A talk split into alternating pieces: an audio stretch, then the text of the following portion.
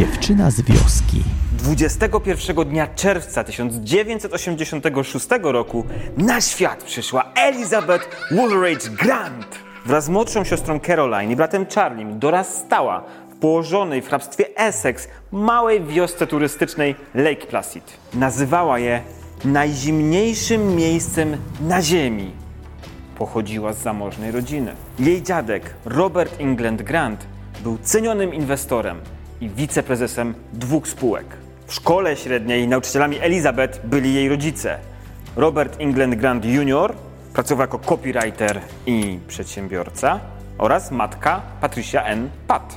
Oboje interesowali się muzyką. Robert w młodości pisał piosenki country, a Patrycja fascynowała się śpiewem.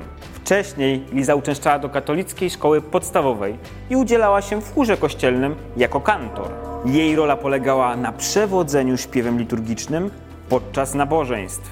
W wolnym czasie lubiła słuchać hip-hopu, a jej idolem był Eminem. Jednak młoda Amerykanka początkowo nie wiązała przyszłości z muzyką. Pragnęła zostać poetką. Losy potoczyły się inaczej i niedługo potem trafiła na szczyty wielu muzycznych list przebojów. Wydawać by się mogło, że dzieciństwo spędziła w atmosferze beztroski. Jednak zanim Elizabeth Woolridge Grant przeobraziła się w Lana Del Rey, jej życie toczyło się tragicznie.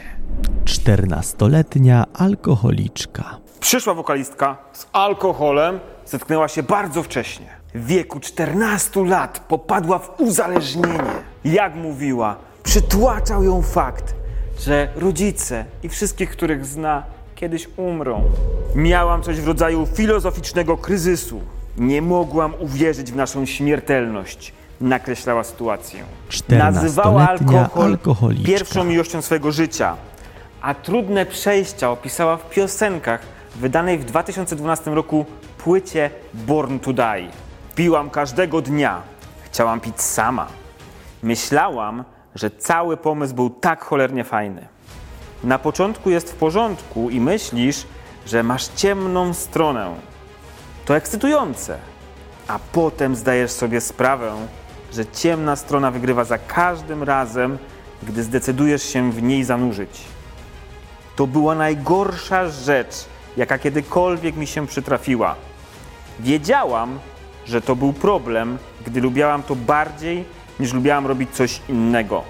Wspominała po latach w jednym z wywiadów. Młoda alkoholiczka i jej rodzice nie wiedzieli, co zrobić, by uratować Elizabeth ze szponu wniszczającego nałogu. Nieudolne kroki na scenie. W końcu Robert i Patrycja zdecydowali się wysłać pogrążoną w alkoholizmie nastoletnią córkę do surowej szkoły z internatem w Connecticut. Tam miała stoczyć walkę ze swoją miłością. Jako nastolatka bycie w miejscu, którego nie można opuścić, jest niebezpieczne, bo jeśli ludzie cię nie lubią, nie możesz od nich uciec. Wtedy możesz zacząć myśleć, że tak właśnie będzie wyglądał świat, mówiła potem. Batalia trwała 4 lata. Wtedy spełniło się wielkie marzenie Elizabeth. Amerykanka wyjechała do Nowego Jorku, by na tamtejszym uniwersytecie studiować metafizykę. Specjalizowała się w sprawdzaniu, czy możemy matematycznie udowodnić istnienie Boga. Wtedy też odkryła muzykę Boba Dylana i Leonarda Cohena. Wkrótce sama zaczęła pojawiać się na scenie. Pierwsze kroki skierowała na przegląd talentów do jednego z klubów w Brooklynie. To było rokowe miejsce. Zupełnie tam nie pasowałam. Zaśpiewałam balladę, taką na trzy akordy. Nagle wszyscy zamilkli. Nikt nawet nie zaklaskał. Po prostu siedzieli w ciszy. Więc zabrałam kurtkę i wybiegłam. Gdybym została wyśmiana, nigdy nie odważyłabym się wrócić na scenę. Wspominała później. Upokorzona piosenkarka postanowiła więcej nie zajmować się muzyką. Przypadek, szczęśliwy traf i grat krytyki. Mimo feralnego startu, po pewnym czasie jednak jeszcze raz postanowiła spróbować swoich sił. Nagrywała kolejne single, jednak nie mogła się wybić. Chciałam być częścią wysokiej klasy sceny muzycznej. To było półnatchnienie. Bo nie mam wielu przyjaciół i miałam nadzieję, że spotkam nowych ludzi, zakocham się i otworzę społeczność wokół mnie. Tak jak czynili to w latach 60. XX wieku, wyjaśniała. Jednak jej muzyka była uważana za zbyt dziwną, psychotyczną. O Amerykance zrobiło się głośno kilka lat później. Do sieci trafiła jej piosenka Video Games. Nie spodziewała się tego, co nastąpiło potem.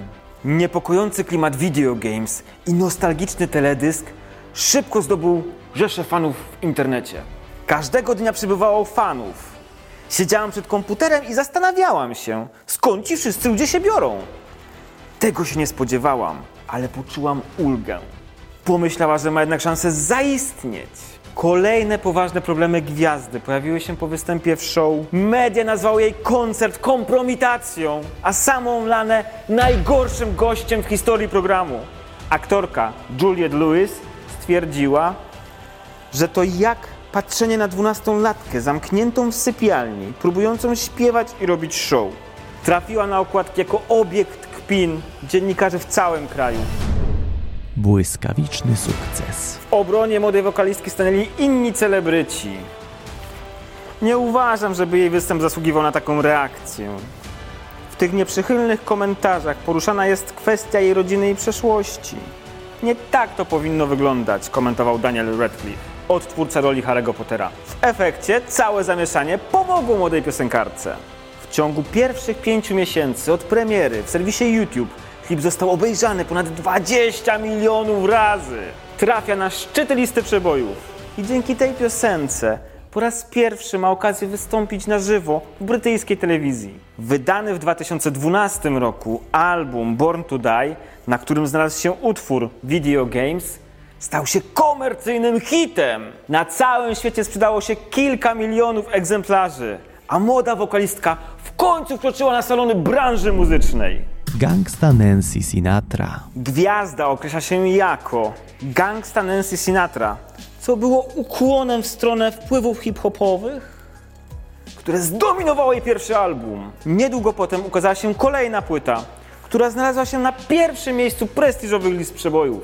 Również ten album zdobył kilka milionów nabywców. Pojawiały się kolejne propozycje współpracy przy filmach i albumach innych wykonawców. Była nominowana m.in. do nagrody Brit Award w kategorii Najlepsza międzynarodowa artystka solowa oraz People's Choice Award w kategorii Ulubiony żeński artysta. Zdobyła statuetkę na gali MTV Europe Music Awards w kategorii Najlepsza alternatywa. Nagrodził ją również magazyn Billboard. Kariera Elizabeth rozwijała się i wciąż rozwija się w błyskawicznym tempie. Stałe miejsce na szczycie. Była trzykrotnie nominowana do nagrody Grammy, dwukrotnie w kategorii Najlepszy album pop za mini album Paradise oraz w kategorii Najlepsza piosenka filmowa za utwór Young and Beautiful. Była drugą, najczęściej odtwarzaną artystką w mediach strumieniowych Spotify w Stanach Zjednoczonych i trzecią, najpopularniejszą artystką tym serwisie na świecie. Samodzielnie pisze swoje piosenki, a fani cenią ją za autentyczność i wrażliwość. Pierwsze kilkanaście lat jej życia nie wskazywały, by miała stać się jedną z najpopularniejszych wokalistek. Teraz plakaty z jej wizerunkiem wiszą na ścianach fanów na całym świecie. W utworze Ride wyśpiewała przepowiednię. Marzyłam znowu i znowu, błyszcząca i załamana. Ale nie przejmowałam się, ponieważ wiedziałam, że spełni się wszystko, o czym się marzę.